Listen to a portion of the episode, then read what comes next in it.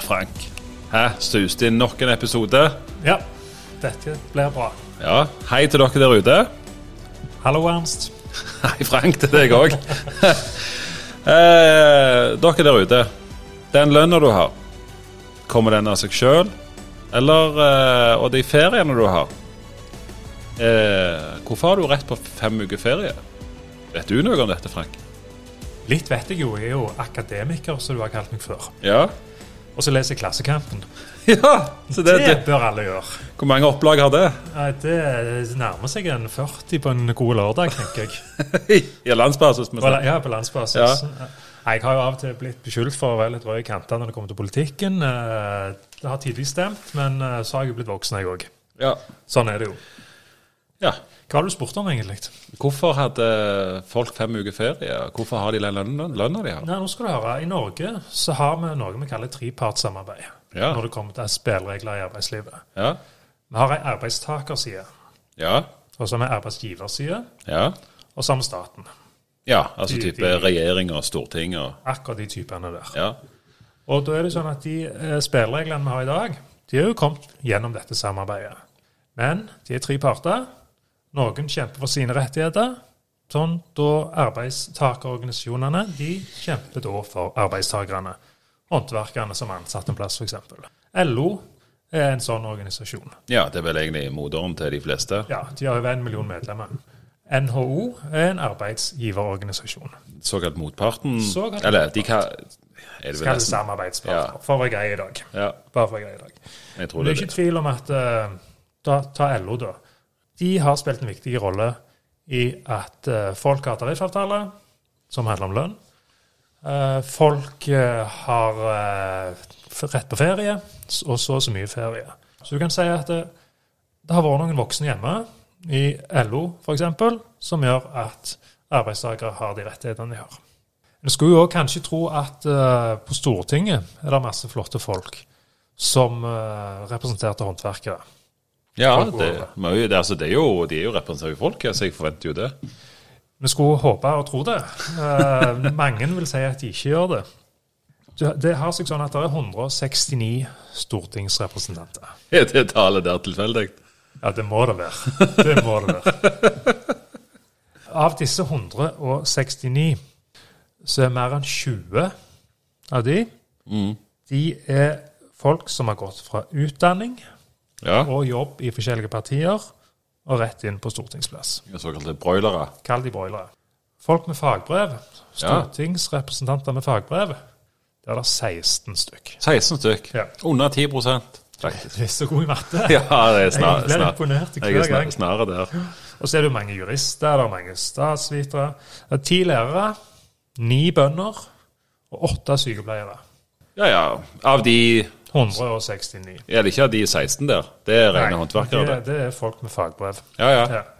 Min påstand er likevel at uh, dette er ikke nok til å gjenspeile bredden i befolkningen.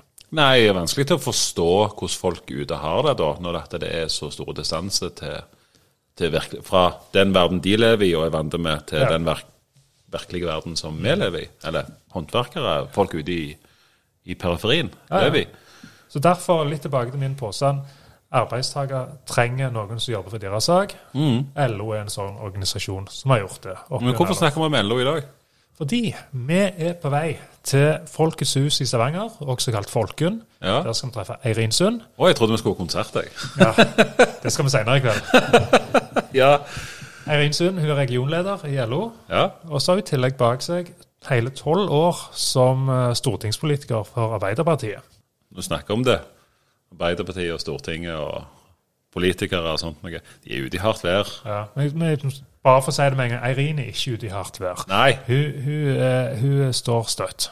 ja, den står støtt, men det er jo eh, Det er de som ikke har stått så støtt og vært litt uheldige nå i den siste tida. Så eh, Frank, har du juksa noen gang? Åh, Jeg hadde ikke så det her hvis jeg ikke hadde juksa.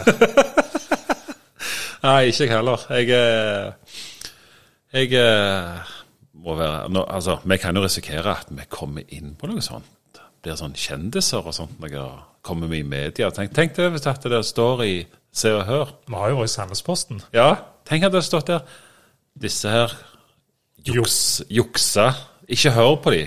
Den der tøysepodkasten, de juksefanter. Derfor står vi heller bare fram. Ja. Er ikke lettere det? Jo. Ja, så jeg, eh, jeg må stå fram, da. Videregående skole. Første videregående.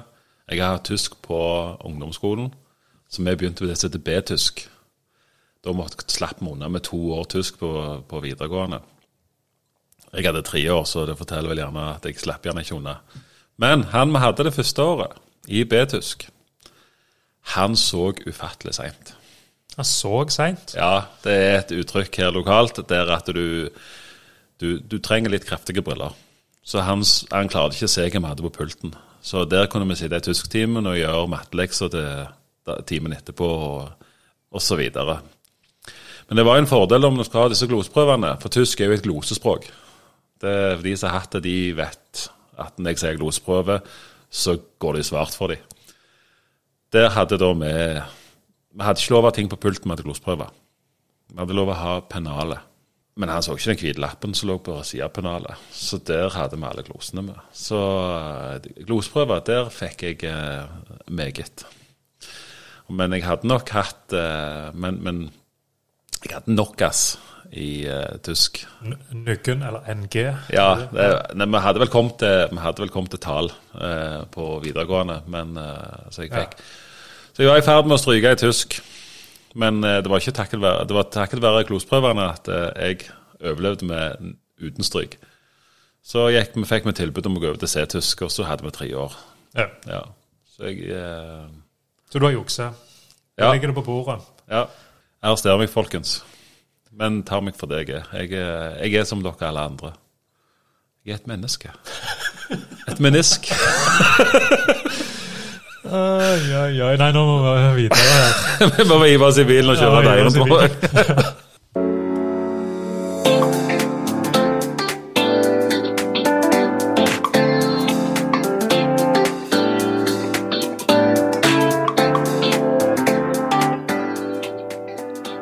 Da er bilen parkert eh, i Stavanger sentrum ut forbi Folkets hus, midt i Stavanger sentrum.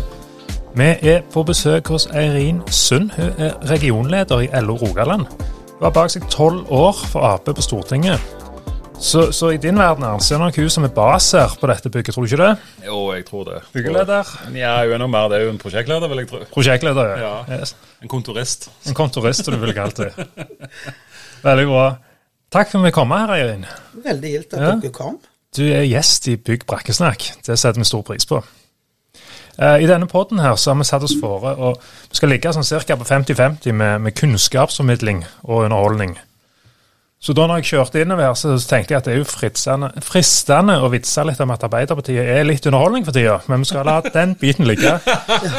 Nå, er- og nå er jo jeg i LO, ikke Ja. i Arbeiderpartiet. Så det er LO vi skal snakke om. Eh, LO, Landsorganisasjonen, det er her du tjener til salt i grøten nå. Først litt generelt om LO. LO, hva er det? LO er Norges største organisasjon for folk som jobber, altså arbeidstagere. Eh, Vi har over en million medlemmer. Det er folk som jobber i barnehage, som jobber på byggeplass, som jobber i kantine, altså overalt, som eh, er organisert i LO. Og LO er eh, en paraply, eller mor eller faren, til 25 forbund. Det kan være Fagforbundet, som organiserer veldig mange av de i, i offentlig sektor, som barnehage og helse og omsorg og sånn. eh, Eller Fellesforbundet, som organiserer folk på Rosenberg og sånn. Eller f.eks. i Norsk Arbeidsmannsforbund, som organiserer vektere og renholdspersonal. Så vi har liksom Vi er på en måte for alle, da. Og det folk gjør, da, det er at de betaler en kontingent i måneden. Og det de får for det de betaler, det er at vi skal sikre dem et godt arbeidsliv. Altså En ting er at vi driver jo da lønnsforhandlinger. Eh, Det gjør de å hjelpe folk hvis de har problem på jobben. Eh, Ofte så vet du ikke Ofte så kommer problemene ganske fort. altså Så har de ikke tenkt at de skal være organisert, og så, så skulle de hatt hjelp egentlig når det er for seint. Så for å få hjelp av LO, så må du ha vært organisert i tre måneder for å få hjelp. Som har egne advokater, mange. Så vi passer på at folk får, har et godt arbeidsliv, men samtidig òg et godt hverdagsliv. For at, eh, hvis du har en jobb å gå til, og ting er i orden på jobben din Vi liker jo òg best at uh, arbeidsgiverne òg er organisert, i NHO og sånn, for da har vi liksom en part å å diskutere og forhandle med. Og har du gått på jobben, får den lønna du skal ha, og ting er sånn det skal være, da har du da gått inni deg i hverdagslivet og gjør at du får et bedre liv. Så har vi et sånn produkt i tillegg, da, at alle som er medlem i LO, blir også, får noe som heter LO Favør-fordeler. Det er et samarbeid vi har med Sparebank1, SR-Bank her i Rogaland, til og med en egen komité. Der vi der vi tilbyr både forsikringer og andre ordninger til billigere enn hvis en ikke er med i LO. Men det er i hovedsak jobben, altså tryggheten ja, på jobben. Skjønner. Uh, du har nevnt noen foreninger. Hvis Jeg var, jeg er jo ikke elektriker eller rørlegger eller tømrer for så vidt, men, men er det noen foreninger som er, de kan vurdere å bli medlem i, som ligger under LO? Ja, tenker du da på altså sånn, ja, ja. Vi har en, altså det er en forening med 25 forbund som ligger under vår paraply. Ja, og, Men jeg tenker, er det en spesifikk som for er for håndverkere? Ja, det er en spesifikk for håndverkere. De fleste som eh, de er tilknyttet noe, altså Fellesforbundet. Ja. Der er det ulike avdelinger, men der er det en egen avdeling som faktisk heter her i Rogaland, da, 7, eller her som vi sitter nå, 730 i Fellesforbundet, og de organiserer folk innen bygg. Ja. Ja, så det er en eh, egen for det. Ja. Mm. Hvordan, de, hvordan, blir de mottatt når de blir? Eh, for jeg dør jo veldig mye meninger der. Jeg har jo en far som var, eller hadde en far som hadde veldig sterke meninger mot de som var organisert. Ja, det, det er klart at uh, Altså, jeg tenker jo Eh, altså, Det er ikke bare LO som organiserer, det er òg andre forbund som ja. ikke hører til LO. Og Jeg tror kanskje mange har vært forbanna på, på, LO for at LO har hatt veldig sterk tilknytning til venstresida i norsk politikk. Mens, eh, og, og, mange tror jeg har tenkt at uh, hvis du melder deg inn i LO, så er du liksom medlem i Arbeiderpartiet eller SV eller noe sånt. ja, men jeg, helt ærlig. Fordi, ja, fordi at de gir liksom De støtter de i valgkamp og sånne ting. Men det som er greiene med det, er jo at vi støtter For LO forhandler lønn til folk. sant? Vårens jeg holdt på å si kanskje iallfall vårens fineste eventyr, mener noen er lønnsoppgjøret når LO og NHO setter seg, seg rundt bordet. Og Da sitter en jo og skal forhandle fram hvordan hverdagen og arbeidslivet til folk skal være. Men i tillegg så driver LO med noe som ikke andre driver med. Det er at uh, vi blander oss opp i all slags. Og det betyr at det er ikke bare lønnsforhandlinger. F.eks. at vi sitter i dag og at alle kan gå på videregående skole. Det er gratis. Uh, at det er innretta sånn, det. Det er noe som LO med våre forbund kjempa gjennom i sin tid. Nå når jeg begynte på skolen, så var det ikke sånn. Da var det de som hadde best karakterer som fikk begynne på videregående, og du måtte betale på en måte ganske mye sjøl. Det at vi har òg barnehagedekning til alle. Alle skal få en barnehageplass til en pris som de har råd til å betale. Det òg blander LO seg i. Hadde det ikke vært for LO og våre forbund, så hadde vi aldri vært der vi er i dag. For det er det som er, Og det tror jeg mange blir sånn pissed på, holdt jeg på å si, folk som tenker at det er sånn typisk sånn venstresidepolitikk. Men for oss er det så viktig at når du Altså, vi lever jo som hele mennesker. Skal du kunne gå på jobb, så må du ha en barnehageplass. Du må ha råd til å betale den. Det, det er ja. samfunnsøkonomi, rett Ja, når jeg, når, når jeg, jeg er jo født eh, jeg kom med folketrygden i 1967, så jeg er jo på en måte voksen. Men når vi skulle ha barnehageplass på Ålgård på 90-tallet til våre unger, så måtte vi søke i to år før vi i det hele tatt fikk plass. Og når vi fikk plass, så brukte jeg mest hele lønna mi. Da jobber jeg i barnehage på å betale den barnehageplassen. Og det er klart at LO bruker da makta si opp mot politikerne for ja. å få det sånn som de vil fra medlemmene sine. Ja. Så mener vi ting òg nå om Gaza, f.eks., for, for vi er opptatt av internasjonal eh, solidaritet. Sant? Og derfor, Jeg vet ikke om det er derfor faren din var forbanna, men Nei, jeg, jeg tror han har tenkt på lommeboka si, han. Ja, men, han, han var SSN i næringsdrivende, men han var jo ja, Arbeiderpartimann sånn sett. Ja. men ja, han, han syntes at LO var litt for hard i klypene og forlangte for mye lønn for arbeiderne sine. Ja. Nei, men Det er jo det som er vår jobb. Det er jo på en måte, Vi vil jo ikke at eh, arbeidsgivere skal gå dukken. Altså, Vi vil jo at arbeidsplassene skal bestå. Så vi er jo ikke vi er jo ikke utidige, holdt jeg på å si, men samtidig så mener vi veldig sterkt at de som jobber der, skal òg ha lønn for den jobben de gjør, og ha de rettighetene som de skal ha. Det at vi har trepartssamarbeid, for det er det det er. Det er LO, det er NHO, og det er de folkevalgte på de ulike nivåer, på storting, regjering, fylke og kommuner. Det er jo med å gjøre at Norge òg er sånn som Norge og Skandinavia er sånn som Skandinavia er, for at vi har satt ting i et system, i motsetning til andre plasser i verden der ting ikke ser ut i det hele tatt. Jeg tror vi skal konkludere ganske greit med den, at det, det funker. Vi har det ganske godt. Vi har det ve ja. veldig godt, syns jeg egentlig. Men vi skal ikke se oss på latsida? Aldri sette seg på latsida, men jeg satt, av og til så kjenner jeg at For vi snakker jo med store bokstaver på en måte uansett. Ja. Og vi skal ikke diskutere verden i dag, for vi skal diskutere brakkestakk. Og si. Ja, Og det er verden, det òg. Men Men av og til må vi sette ting i perspektiv. Altså, Ja. For det sitt i den store, store sammenhengen, så har de aller, aller fleste av oss, òg i Norge, det er ganske bra. Og så er det da iallfall å klare å løfte de som ikke har det fullt så bra. Men Ja, det er vi som har det best å skrike høyest. Absolutt. Og vi som kaller dette for brakkesnakk, alt det du snakker om nå, det er jo garantert tema hver eneste dag i brakker rundt omkring i Norge. Og det er jo en av de tingene vi, har, vi snakker mye om, ikke bare i LO, men jeg tror rundt eh, spisebordene hjemme hos folk. For det, i dag så leser jo folk overskrifter, kanskje bitte litt av ingressen, holdt jeg på å si, og så er det sånn betalingssak, så du kommer ikke inn og får lest hele saken. Så veldig mange, ikke bare i brakkene, men rundt lunsjbord og andre plasser, diskuterer knallhardt og tøft uten egentlig å ha satt seg inn i eller lest hele saken. Og så blir ting veldig sånn populistisk og polariserende. Så politikerne syns jeg òg har blitt mer sånn populistisk og polariserende. Ja. Og det tror ikke jeg er bra for debatten. Nei, garantert ikke. Nei, og, jeg og det bekymrer meg faktisk på skikkelig. Jo, men det er jo det eneste det er altså, Verdensbildet er det eneste vi kan diskutere. Sånn som så før Når jeg begynte å spikre da, for 20-25 år siden, så da snakket vi om gjerne hva som gikk på TV i går. For da var jo alt. Da var jo ingenting. I dag hvis vi snakker om det som går på TV, så blir jo folk blir jo irriterte, for at du spoiler jo. De har ikke kommet og sett den serien ennå sjøl. Så i dag, så det er nok det du sier, Frank, det er nok det eneste vi kan snakke om. Ja. Utenom løst og faste fag, da, selvfølgelig. men jeg syns det er utrolig bra at dere har, lagt den, at dere har denne podkasten, for jeg tror det er viktig. at den, Dere løfter jo et kjempeviktig tema. Og Vi, vi fikk faktisk skryt. Ja, Det er bra. Det, det er ikke jeg vant med å få. Nei, Nei. mer av det. Ja, mer av det, ja. For, ja, for det òg er vello. Ikke bare penger i oss, men også skryt. Ja, ja, ja, ja. Du som eh, regionleder i Rogaland, eh, har du noen møtepunkter med byggebransjen? Vi har jo mange Altså min jobb er jo, eller vår jobb i LO Rogaland, det er jo å være samordnende for, for LO, altså hele LO Rogaland-familien med alle, for vi òg har 25 forbund her. Eh, Det er vi òg som skal være aktøren fra, fra LO-LO, holdt jeg på å si.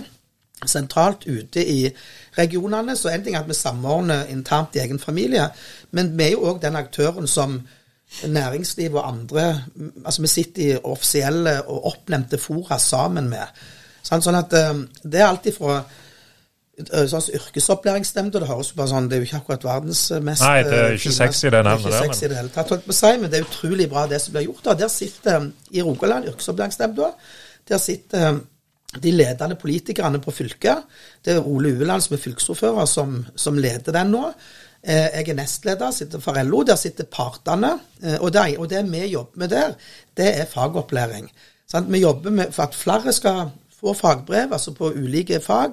Vi sitter òg og godkjenner opplæringskontor. Vi sitter til og med og har hevings, eventuelle hevingssaker knytta til lærlinger. Så vi er virkelig hands on. Og da møtes vi en gang i måneden, og hadde nettopp en sånn samling i to dager for å se hva vi skal gjøre nå de neste fire år.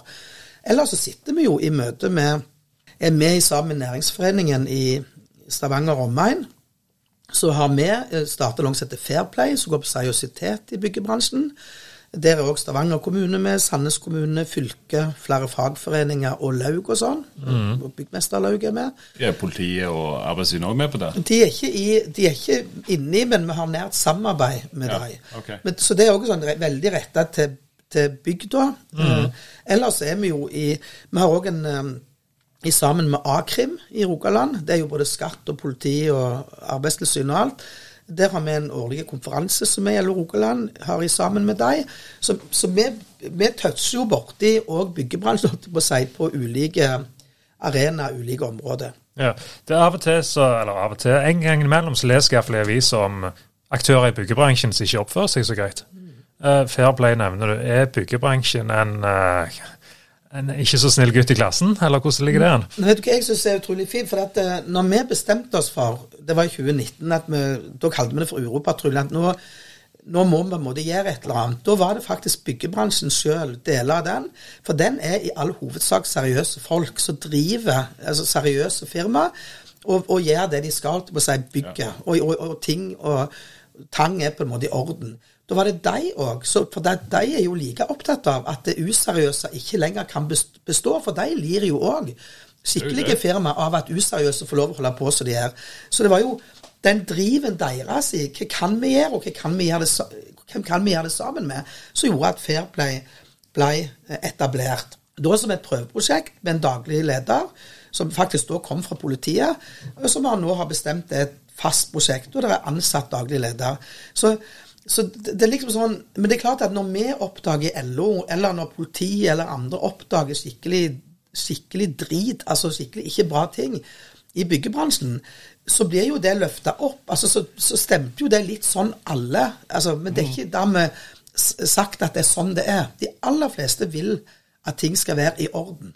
Ja, Så det er egentlig en godt samarbeid med byggebransjen veldig Fairplay? Ja, ja, veldig. Og ikke bare med Fairplay, men òg i andre slags sammenhenger. Jeg tror mange ganger jeg tror ikke bare det kan være enkelt for byggmesterlauget når de også, og Blikkenslagerlauget og alle når de gikk i samarbeid med oss. For jeg tror flere kanskje så jobber der og sånn, og andre i ledere i bransjen tenker at det der LO-greiene er jo bare sånn der venstreradikalt et eller annet. Hva skal vi gjøre sammen med deg?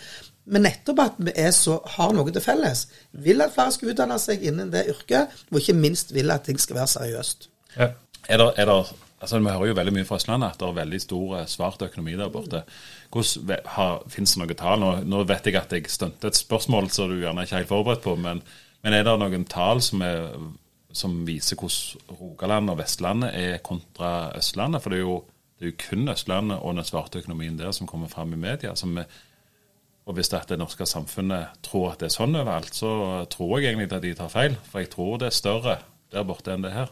Jeg, jeg, jeg kan ikke tallene i hodet, men det Nei. som er helt sikkert, det er at det ikke er noe bedre her enn det er andre plasser. Men det er klart at de som får fot disse det er jo kriminelle miljø, ja. egentlig. Ja. Ikke bare egentlig, det er det det er. Ja. De, har nok, de har jo en tendens til å sette seg en plass, og så, og så jobber de målretta i et område som de er. Og Det går jo både på, på dette her med at de eh, driver med tak i folk som knapt nok er registrert i noen register. Det er alt fra menneskehandel til all slags de holder på med.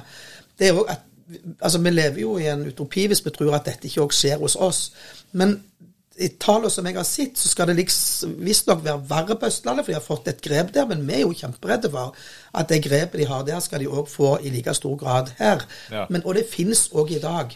Eh, så at vi må ikke tro at eh, det vi ikke ser, ikke finnes. For mange tenker jo at det, det svarte arbeidet vi snakker om eh, når vi snakker om det, det er jo de som jobber en plass, som springer rundt litt hos kompisene og jobber litt. Klart det er òg et svart økonomi, men det er jo ikke det som, det er, ikke det, som er det største problemet. Nei. Men her har det vært flere eksempel som både A-krimsenter og andre har gått ut med, som er skikkelig alvorlige knytta til Det er ikke bare en kompis som bygger en terrasse men skikkelig alvorlig arbeidslivskriminalitet. Det skjer òg ja. her.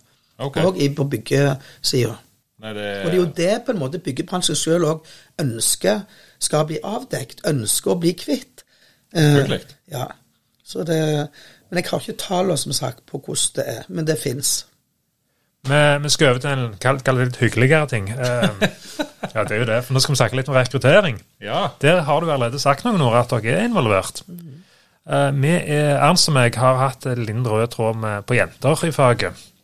Hvordan få flere jenter inn, inn, i byggebransjen? Gjør LO noe spesifikt der, eller er det et overordna mål?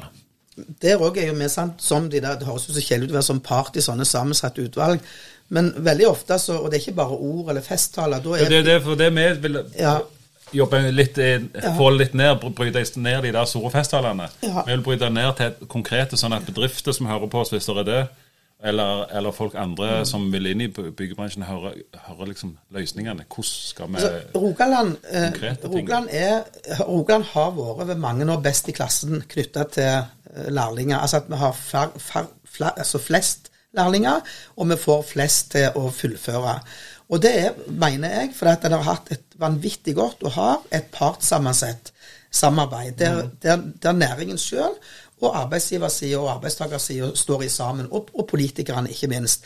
Og det er litt sånn som litt sånn tilbake i tid, så skulle jo alle bli ta media og kommunikasjon. Det er ikke noe galt med det, og de ville ta forskjellige sånne fag. Men da sa en i Rogaland, der partene var med, politikerne, og sa det er ikke det Rogaland AS trenger. Vi trenger eh, tømmermenn, vi trenger elektrikere, vi trenger helsefagarbeidere. Og da må vi dimensjonere utdanningssystemet vårt, sånn at det er det vi får tak i. Da var det ganske mange, både foreldre og elever, som var ganske forbanna, for de har jo lyst til å bli det de har lyst til å bli. Men det at den dimensjoneringen det er jo ikke sånn ord som er sånn der høres ut som ingenting. Men hvordan vi dimensjonerer utdanningstilbudet er ekstremt viktig. Det betyr at til hver tid i Rogaland så opprettes der klasser, eller er klasser, knytta til hva arbeidslivet i Rogaland trenger. Ja. I privat sektor og i offentlig sektor. Så det er ikke noe sånn, sånn fingeren opp i lufta og tenk på et tall. Det er nøye, nøye sitt i, i, samarbeid med partene på hva er det faktisk vi trenger nå, og hva er det vi trenger i 2035. Ja. Nå vet vi at i 2035 så vil vi trenge i Norge 90 000 til fagarbeidere på de ulike områdene. Så, altså, snakker vi generelt, eller byggebransjen nå, nå eller snakker vi generelt? generelt som på alt fra sykehuset til Men mange av de er jo innen bygg, og, og veldig mange innen eh, helse og omsorg. Ja. Og da er det litt sånn, Når vi vet det i dag, hva gjør vi i dag da for å komme der i 2035?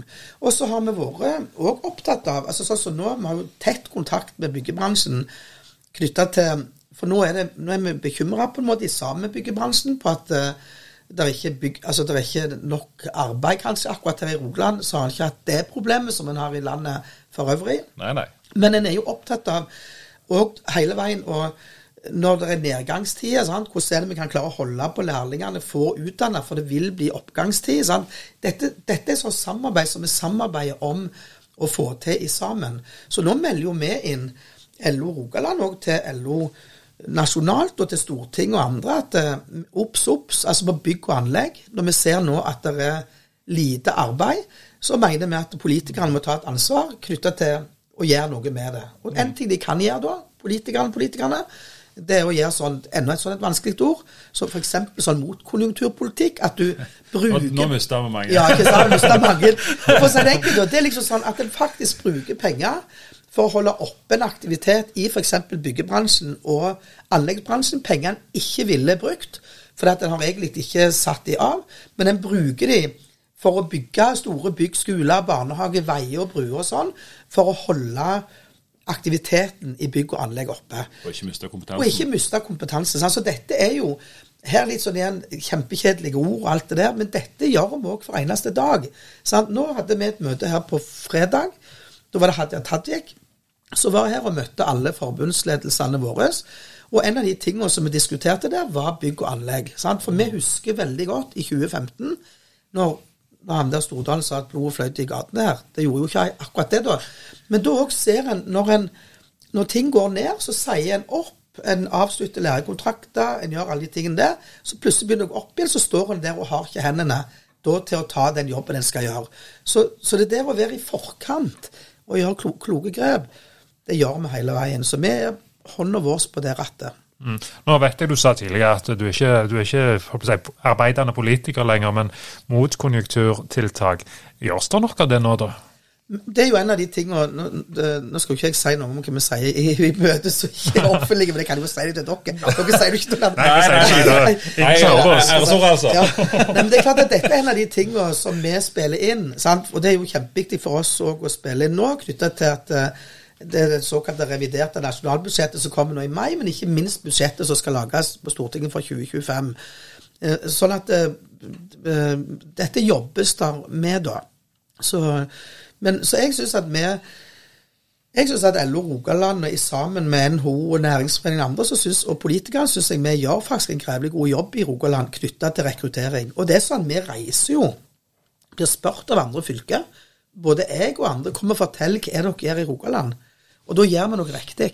Men det er jo mange møter og mange ting, og folk ser ikke hva vi holder på med, før det plutselig bare har ordna seg allikevel. Pandemien syns jeg òg var et sånt godt eksempel. Da, da, gikk det jo i svart, og ingen sant? Da var det jo til og med sånn at eh, lovverk og regelverk og ingenting var jo tilpassa pandemien. Og da jobba vi møysommelig altså, hver eneste dag, døgnet rundt. For å Da sa den bedriften vi er nødt til å kvitte oss med lærlingene. Men, men hva gjør vi da? Sant? Det kunne ikke skje. OK, da må vi gjøre et eller annet. Og så tok et eh, opplæringskontor tak i det, og så tok vi tak i noen for å endre noe regelverk og lovverk. Altså, så ble, klarte en på en måte Det var veldig forenkla sagt, dette, da. Men en, en, gjør det en kan.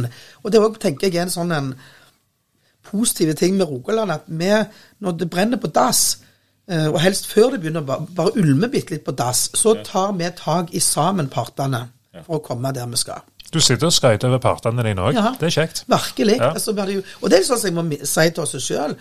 Altså, av og til når vi er pissed på, liksom på arbeidsgiverne, så vil jeg si vi hadde jo ikke hatt jobb hvis det ikke var for alle de som driver firma. Nei, de som tar uh, sats. Ja, det er jo derfor vi òg har folk som kan gå på arbeid der. Det betyr ikke at de kan behandle våre medlemmer som dritt, holdt jeg på å si. Men vi skal, skal ikke bukke og skrape, men vi skal være glade for at vi har folk som satser, og glade for at vi har folk som gjør at vi har et arbeid å gå til. Ja. Jeg må jo si det at vi har hatt uh, en admirer i Brakksnakk tidligere. Han fullrosa sine folk som var ute og spigra.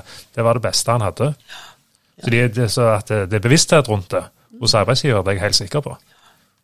Men så er det sånn, du spurte om dette med rekruttering. For det nå, dere, ikke, dere, ikke, dere kommer nok ikke med folketrygden, dere kommer en god stund etter folketrygden. Men det er jo også det Jeg kom kommer med storken, jeg. Du kommer Det var vel noe sånn jeg òg kom med, holdt jeg på å si. Uff.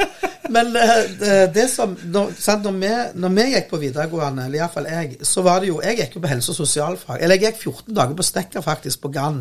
For det var veldig så populært, eller moderne, på 80-tallet å velge ut tradisjonelt. Men når vi kom til de der skulle lage sånne hjørner, eller sånn ja. Da ga jeg bare opp. Jeg, det var, jeg var ikke, ikke min greie i det hele tatt. Så da begynte jeg på helse- og sosialfag. Men det var jo bare jenter i helse- og sosialfag som dette da.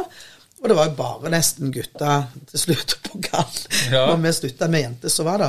Men det er jo, litt sånn er det jo fremdeles. Og det er jo litt det der Norge er jo best på en måte i verden nesten på likestilling og på sånne ting. Men når det gjelder liksom dette her å få jenter til å altså, Men vi har et veldig kjønnsdelt altså, arbeidsmarked. Guttene velger tradisjonelt gutteting, og jentene velger tradisjonelt jenteting. Og sånn er det ennå. Og det er sånn for meg et så stort paradoks. Og det er òg i dag Jeg tror jeg skal ikke bli hengt for at jeg sier feil, men jeg tror at i dag så er sju av ti lærlinger, uansett på hvilket fag, det er gutter. Så jenter velger jo òg i hovedstørre del å studere på universitet og høgskole og sånne ting. Eh, Så kan jeg spørre seg hvorfor er det sånn, og det tror jeg Skal ikke bli hengt for det heller hvis jeg sier feil, men jeg tror på byggsida, da mener jeg ikke bare tømmer, men rørlegger, maling og altså maler og alt det, så tror jeg det er 2 av lærlingene som er jenter. Og det er klart at da er vi jo ikke i nærheten av å ha kommet der vi skal. Nei, jeg, jeg, vi har jo hatt eh, to, to eh, jenter fra murerfaget som gjester. Sånn at vi har kommet der at de, de, de får den samme lønna som de likesinnede. Der har vi kommet på likestilling. Mm. Iallfall det vår empiri. Vi har ikke, vi har ikke den totale, eh, totale kunnskapen der. Men, så, men det er en jobb å gjøre med å få eh, få, det, få de inn i faget, ja. Altså få fordelt det. Eh, For vi skal ikke bare ha likestilling. Det er veldig mye sånn vi skal få likestilling i samfunnet. Vi må ha kvinner inn i ledelsen. Vi må jo begynne på bånn òg. Ja. Og da er det jo sånn, sånn Hva kan LO gjøre med det? Sånn, eh, vi driver jo med holdningsskapende kampanjer og med all slags sånt, men, men det er litt sånn til syvende og sist er det bransjene sjøl som har ansvar for at en får rekruttert. Men så er det òg da sånn at vi har òg et ansvar som parter med at vi må Det er ikke både å komme når de er på videregående skole. Altså Du må komme inn i bildet lenge før det, til og med kanskje i barnehagen, og i alle fall på ungdomsskolen. Og da må vi rigge rådgiverne på skolene, og til og med i barnehagen, til å få foreldrene og, og jentene og guttene til å tenke Vise dem hva som er mulig. Og jeg hørte han som er en, en sjef på et kjempestort, eh, kjempestort mekanisk eh, industri her i Rogaland. Han fortalte at eh, når unger bestemmer seg for hva de skal bli, eller, og sånn, så spør de først mor, hva de snakker med henne om det. Så spør de besteforeldrene, og så spør de far. Ja. sånn? Og det er sånn, Uansett så har jo foreldre et enormt ansvar sånn, knytta til hva ungene, hva, hva ungene velger, da. Sant? Ja, ja, ja. Og det er jo litt sånn Jeg innrømmer det sjøl, og jeg er ikke stolt av det i det hele tatt. Eh, sånn, når Anders, sønnen min, skulle begynte på elektro, og han var ferdig der på en måte i to år, så mente jo jeg helt bestemt at det var lurt han tok tredje påbygg, for, det, for det var klokt å ha etterpå, tenkte jeg. Og det klarte jeg å få faren òg til å mene, eh, som ikke egentlig mente det. Beinharde greier. Vi er med en politiker. Men så på toppen av alt det verste er at vi fikk Anders til å mene det. At han skulle Ja. ta tredje påbygg. Så går han da, søker han å komme inn på tredje påbygg. Og så blir det, kommer vi til sånn 2. oktober det året. Så forteller han meg da at han har hoppet av det tredje påbygget. Og med en gang da så kjente jeg ble skikkelig forbanna, men så tenkte jeg med meg sjøl mens jeg sitter der og ser Anders i øynene så tenkte jeg herregud, kjerring, skjerp deg. Det ikke, han har jo aldri vilt engang. sant? Og så har jeg på en måte Og da beklagte jeg at jeg hadde vært så idiot, og sånn og sånn. Og så gikk han til fem eh, bedrifter, så fikk han lærekontrakt. Ja. Men det er klart at vi som foreldre har jo For jeg tenkte at og sånn og ditt og datt. For vi har en eller annen sånn Ikke forventning om at de skal bli noe stort, men vi vil liksom at eh, de skal Jeg vet ikke hva vi vil. sant? Nei, det, det, det der går jo litt, altså, varierer i perioder. En periode, sant, så Gudmund Hernes, og så var det mastersyke, og så skulle så Nå er det en liten vridning igjen, at yrkesfag, nå må folk satse på det. altså Og det er jo litt, litt av misjonen vår det er å få fram mulighetene som faktisk ligger i, i yrkesveien. For at du, du har muligheten for sånn, gjerne, Enormt. Ja, du har muligheten for å gå inn og bli Om så var administrerende direktør med å gå og være, eh, ta yrkesveien. Du kan ta Der er utvikla studieretninger. Du, klar, du klarer ikke du kan, Med å ha fagbrev som tømrer, så kan du ikke bli lege. Den ser jeg. Da må du begynne helt på ny. Men, men du, det er så mange andre veier. Og når du har vært blitt tømrer, så er du gjerne ikke legemateriale uansett. Unnskyld. Nei, men Godt det- sagt, Ernst. Godt Ja. sagt. men, men, men jeg tenker, det er, og det er utrolig viktig det du sier. For at uh, i dag sant, Same Andersen, jeg vet ikke om han liker at jeg snakker om dette på en podkast, men likevel. Han, han eh, Nei, men du, Vi bruker jo et annet navn. ja, Ja, ja. ja. Det er et alias, dette her. sant? ja, ja, ja. Nei, men Anders han, han, tok, han begynte på Teknikken mens mens han var på arbeid. Gikk tre år der og tok noe jeg ikke kan navnet på, men innen sånne elektroting og alt det der. Ja. Og så har han tatt fagbrev òg i automasjon. Sant? Og nå er han sånn driftsingeniør eller hva det er for noe eh, en plass. Altså, Ja. Så det er jo enorme muligheter innen dette. Ja. Men, det, men viktigheten er da skolesystemet og barnehage og skole må rådgi våre jenter og gutter til hvor de, hvor de kan gå. Og så må vi som foreldre òg på en måte skjønne eh, vårs, eh, rolle, og ikke minst hva vi iallfall ikke skal gjøre.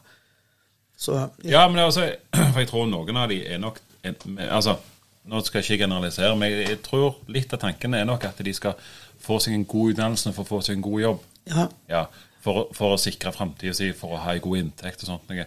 Og da vil jeg ha litt av det vi snakket om i første episoden her, det vil ha fram den muligheten som er å være håndverker.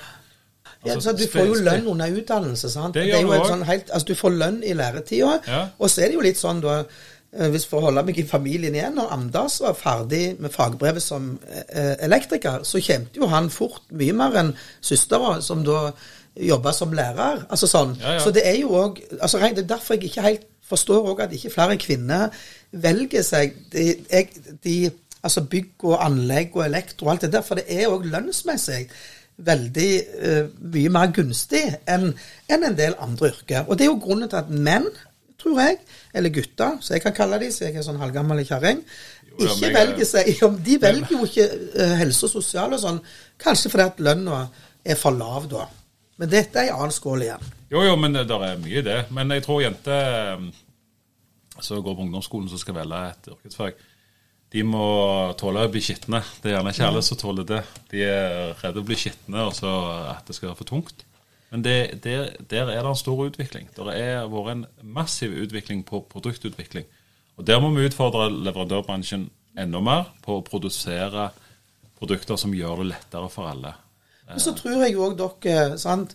Jeg, jeg liksom bare gikk inn og googla litt etter dere tok kontakt, ja. og jeg ser jo at eh, det er flere jenter som Det er jo ikke det er noen, da, for det finnes jo jenter som er rørleggere og elektrikere og all slags, og i bygg.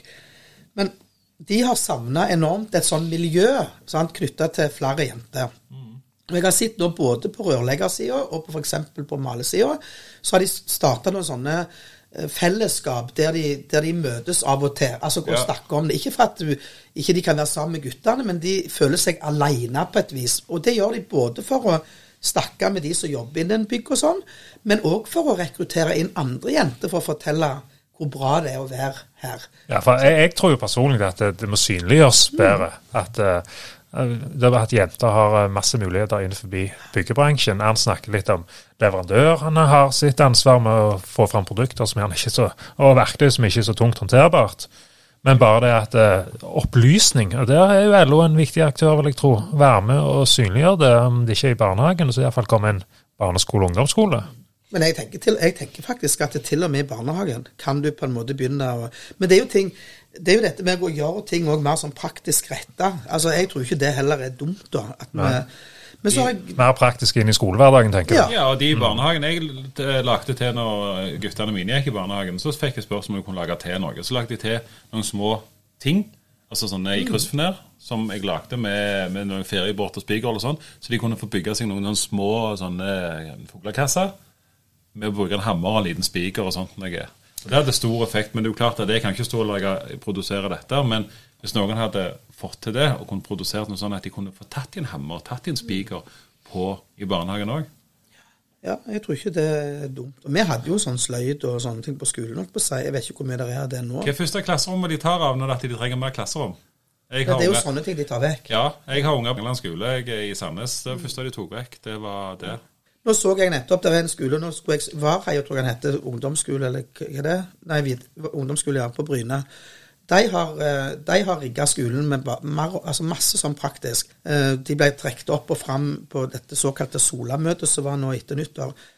eh, Som et veldig godt eksempel på hvordan du kan òg i skolen faktisk innrette skolen mer praktisk. Og det er jo å gå litt tilbake sånn det var før, men å gjøre det enda bedre.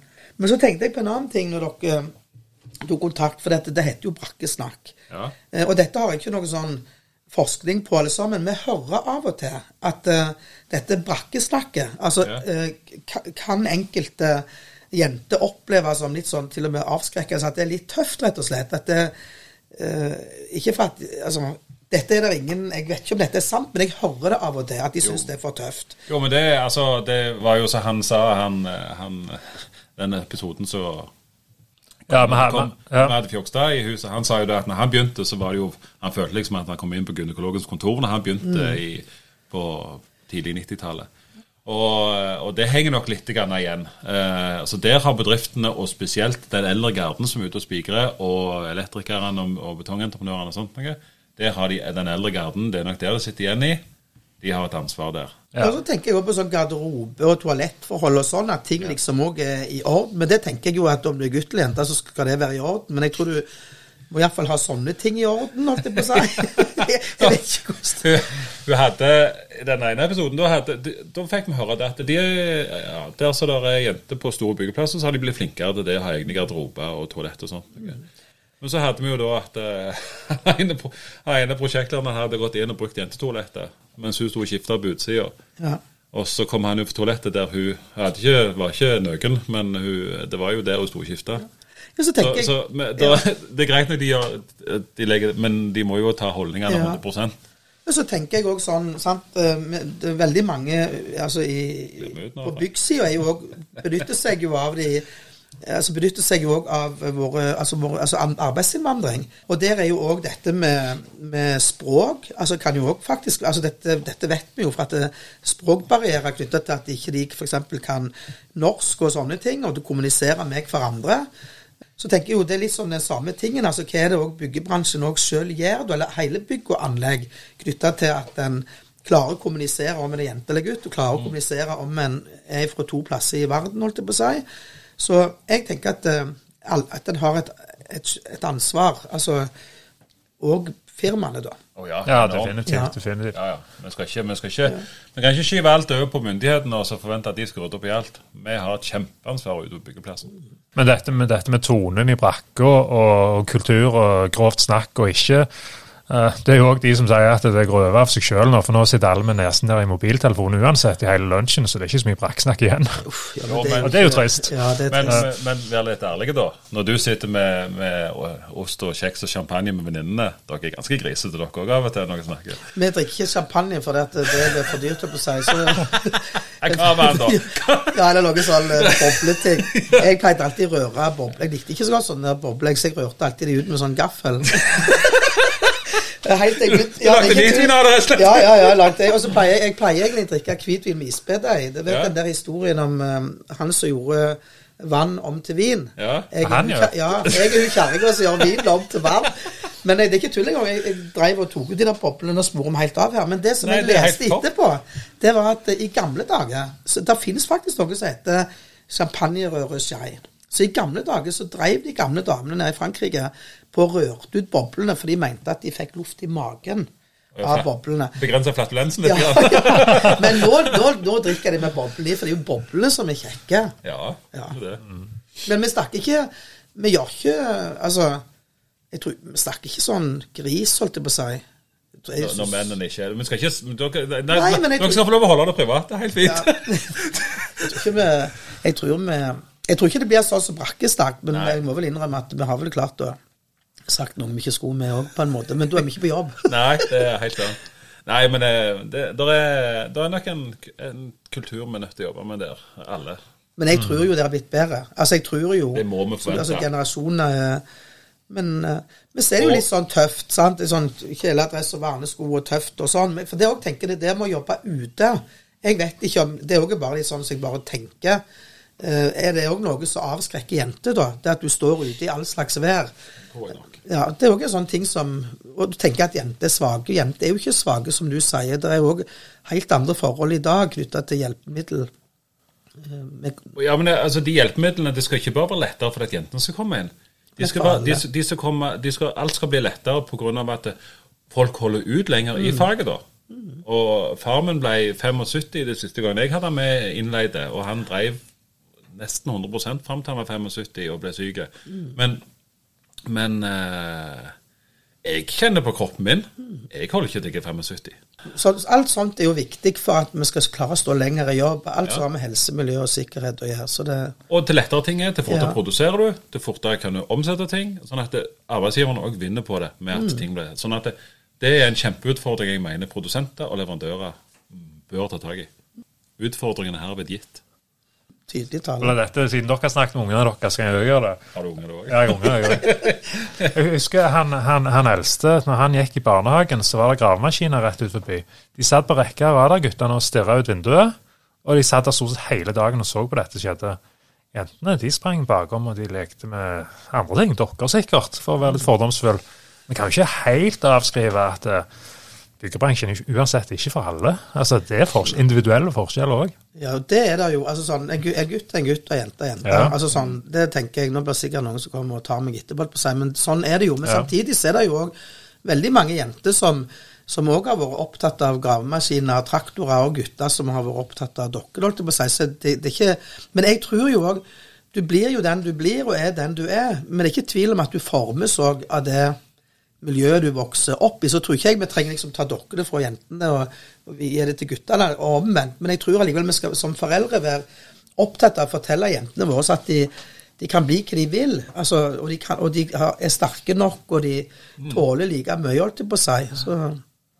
Men de guttene som er i bransjen, de må vi jo hylle uansett, de òg.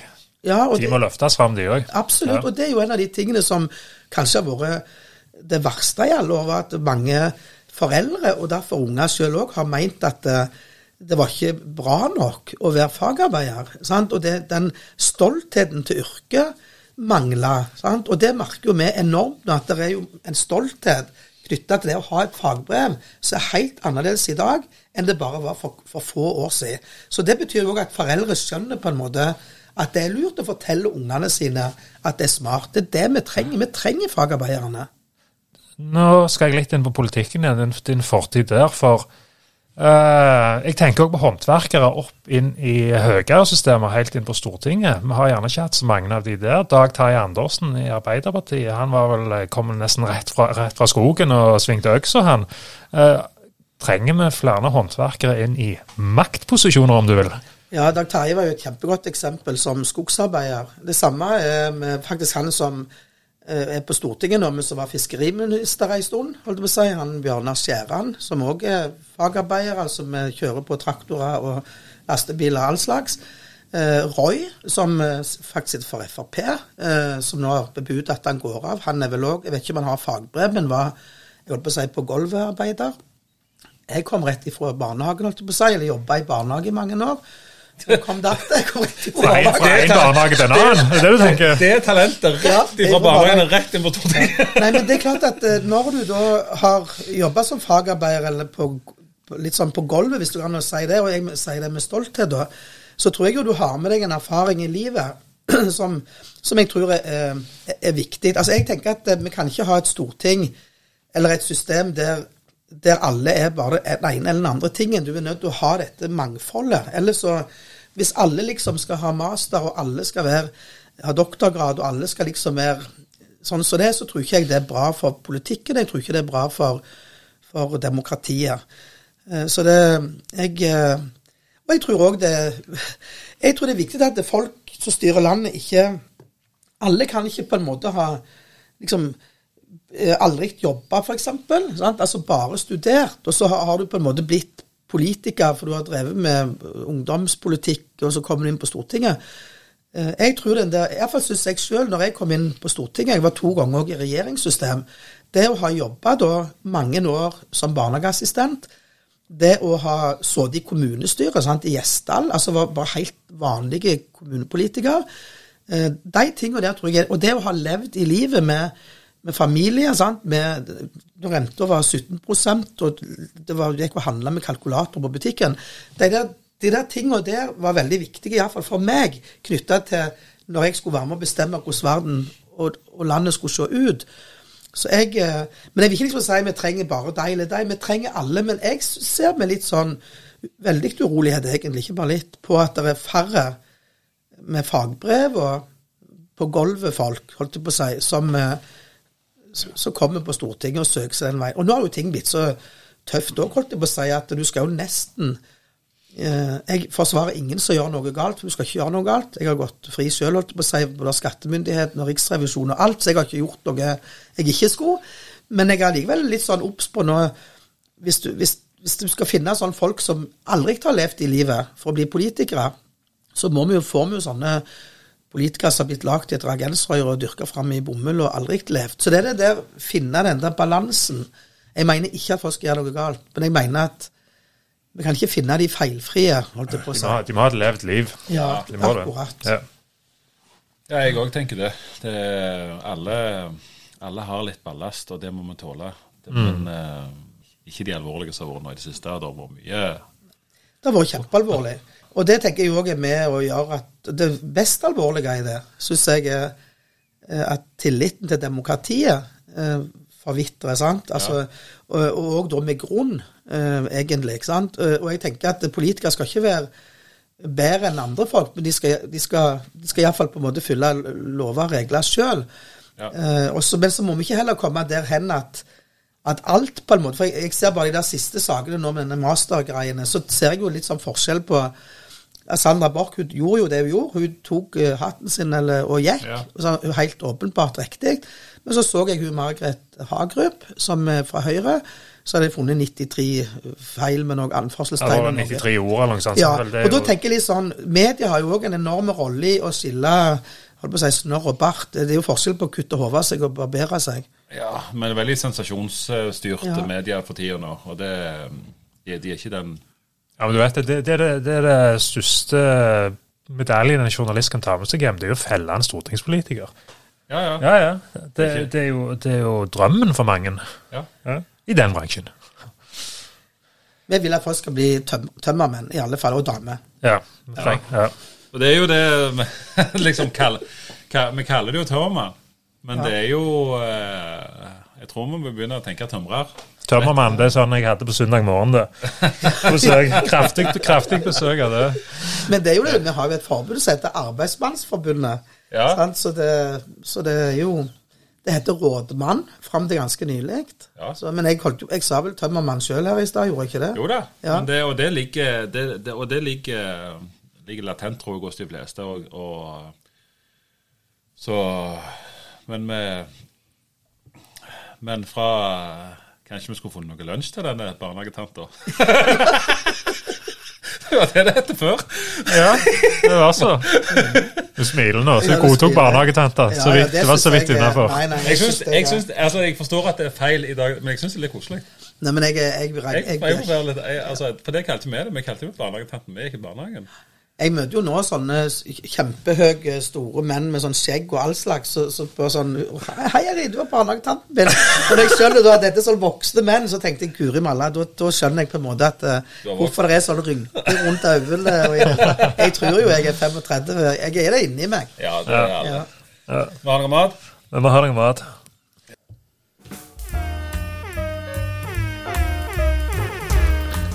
Lunsj, folkens. Da er det lunsj. Sånn. Da var vi inne fra lunsjen her i brakka. Eh, da er det maten til Eirin i dag. Det er et fantastisk det er fruktig knekkebrød.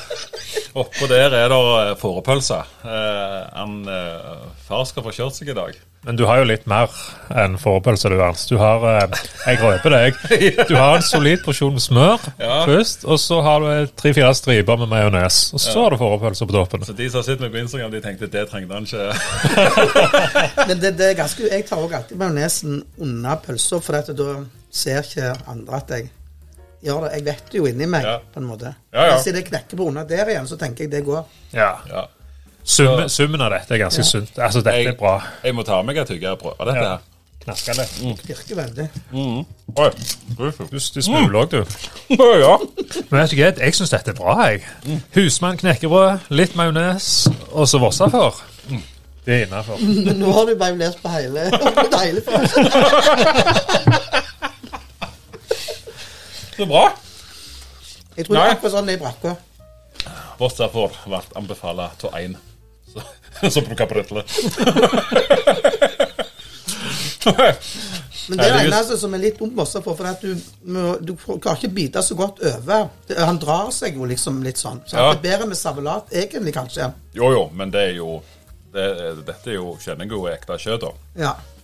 Bedre Men jeg, jeg er glad i servelat, altså. Men, Å, ser du det? ja.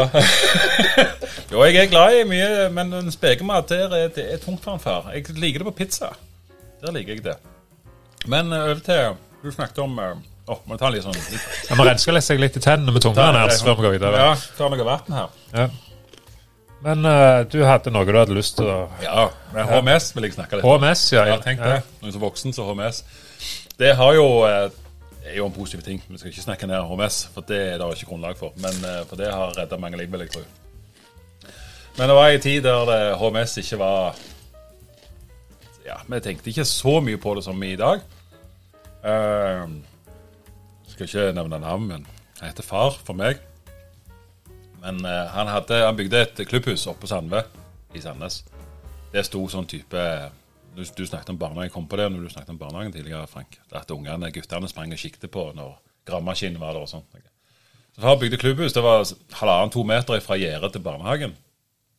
Og så når du kommer opp til taket, da, så har du et takutstikk, sånn at det kommer jo fort gjerne 30-40 cm nærmere igjen. Og så skulle de heise opp takstein. Dette gjorde de heldigvis tidlig. For langs det gjerdet der, der sto ungene og hang. Så heiser de opp takstein, og så eh, vipper en halv palle med takstein. Vipper på taket der. Og deiser rett i bakken. Nå jobbet ikke jeg med far, men jeg kan tenke meg at det A4-arket var ganske kvitt når han så det skjedde. For Han visste jo ikke hvor stor jeg pleide å stå rett ned forbi der, men de hadde heldigvis ikke hatt frokost ennå, så de hadde ikke kommet ut. Men uh, Jesus. Nei, det er godt vi har utvikla oss. Ja, det Ja. er det. Det der vil ikke jeg ha opplevd på byggeplass. Nei, nei. Nei. Og da er det gjerne godt at vi har LO som har bidratt til sånn HMS-utvikling. Ja. Det tror jeg vi kan si. Ja, det tror jeg absolutt Ja. jeg kan si. Det, det har vært kjempeviktig for, for LO, og det er det fremdeles. Det er jo litt sånn som eh, altså, Når du ser bildet nå fra når olja kom, holdt jeg på å si de hang og slang i tauet rundt plattformene og i det hele tatt. Så det er klart at veldig ofte så har det jo vært hendelser, og alvorlige hendelser, som har gjort at en eh, at utviklingen har kommet da. Ja. Så, men jeg tenker dette har en òg gjort i lag, partene. Men en hadde aldri kommet der med hvis det ikke var for fagforeningene og for, for LO.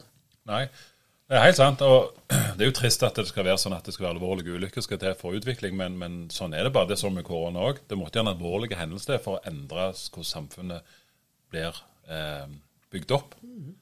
Så Men heldigvis så har vi lært eh, men, men noe har nok blitt dratt litt for langt.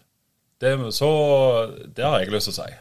Litt sånn der når du hører med oljebransjen, at du er nødt til å gå på ene siden av trappa, nødt til å holde i håndrekkverket på trappa og sånt. noe. Syns jeg drar det litt langt. Altså. Det, men, men det er nå deres regler. Jeg, eh, jeg vet ikke om det har gått for langt. Jeg er glad for at vi har det eh, systemet som vi har.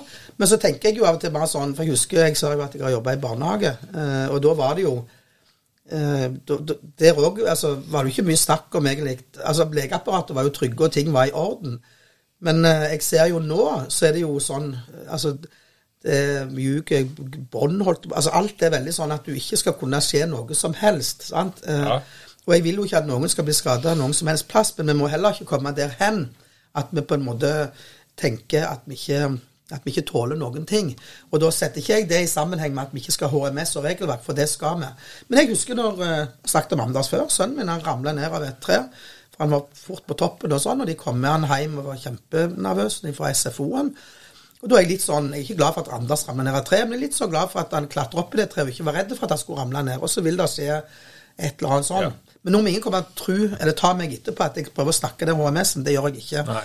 Nei, det, må, det, det skal vi ikke gjøre. Men, men jeg tenker litt det der med barnehager som vi snakker om. Vi er jo sånn at vi kan jo ikke gå inn i dag hvis en barnehage har et eller annet legeapparat eller sånt, som er bygd i tre. Så kan ikke hvilken som helst byggefirma gå inn og gjøre det. Nei. For du påtar deg et sånt enormt ansvar.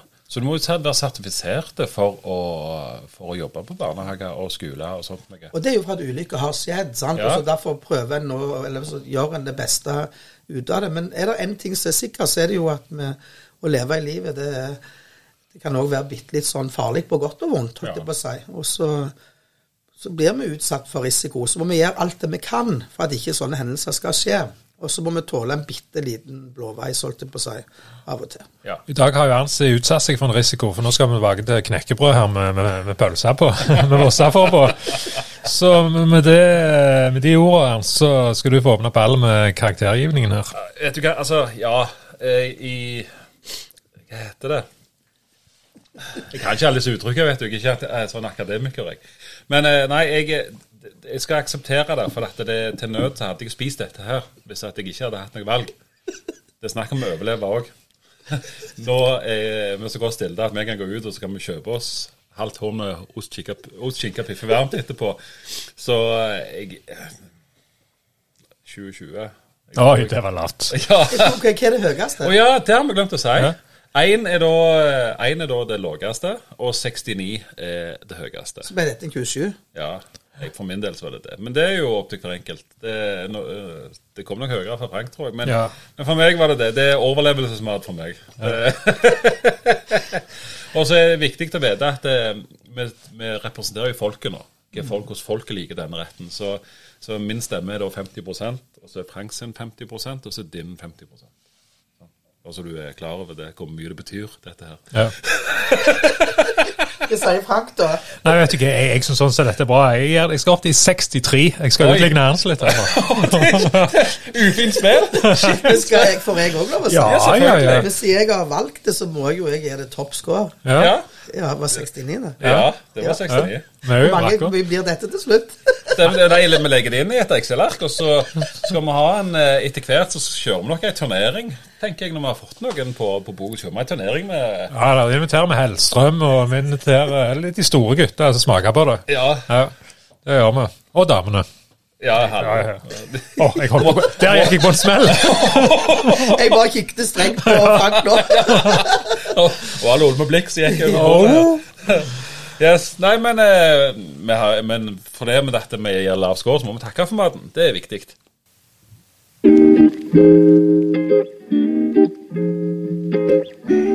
og bacon.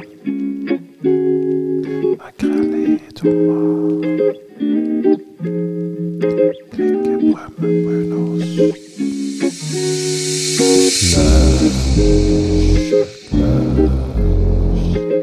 Som dere ser, så sitter jeg her i maktens korridorer og et vossafår. Vossafår ble anbefalt tvei med makt. Ja, hva syns du? Liker du LO?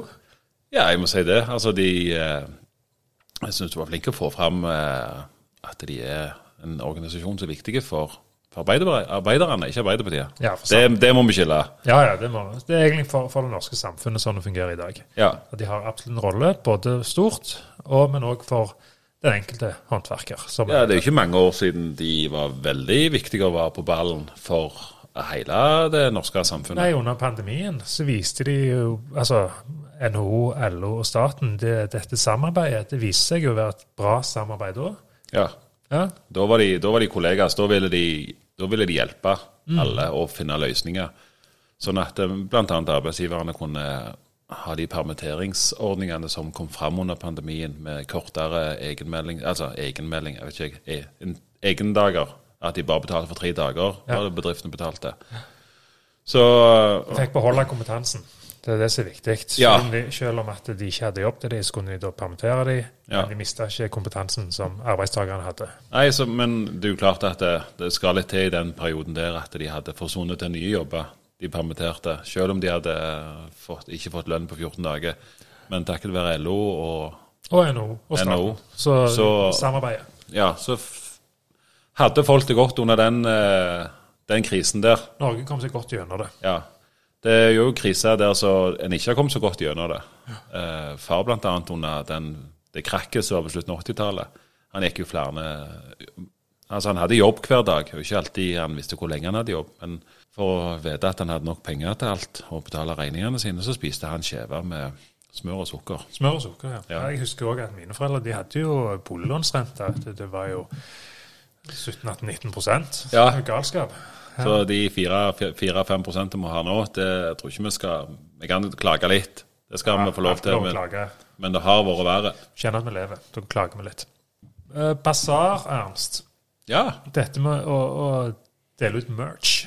Ja, jeg, men uh, burde ikke vi heller bare vist til at eh, de trofaste òg kan uh, Ja. få litt? Grann. Det- det- har ikke du funnet en trofast Jo, jeg har det. jeg har det. Uh, selveste Jostein Njå. Ja. Han, har, eh, han liker alt du legger ut på Facebook, og han har hørt alle episodene. Gir oss gode tilbakemeldinger, og det liker vi jo. ja. Han må belønnes med en pose med svart gull. Ja, det syns jeg. Han, Det, eh, svart gull fra Østerets Kaffebrenneri. Ja. Han eh, har helt sikkert fagbrev i bånn, og jeg vet han har gått på Stavanger tekniske fagskole. Da må, ha, da må du ha et eller annet fagbrev eller svennebrev for å kunne Ja. gå der. Ja.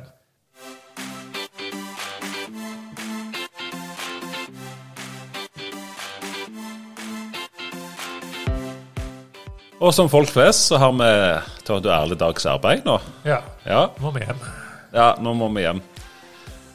Vi må hjem og lage mat. Ja, til familien. Ja. Ja. Jeg ble ikke så mett med den lunsjen. Nei, Vossa for å knekke på det var ikke helt innsått. Jeg likte det jo godt. Ja, Men Vossa får at ikke anbefaler at en som liker å svinge hammeren. Så nei, men La det være siste ord i dag, gjør ja. ikke det? Ha det bra, folkens. Ha det.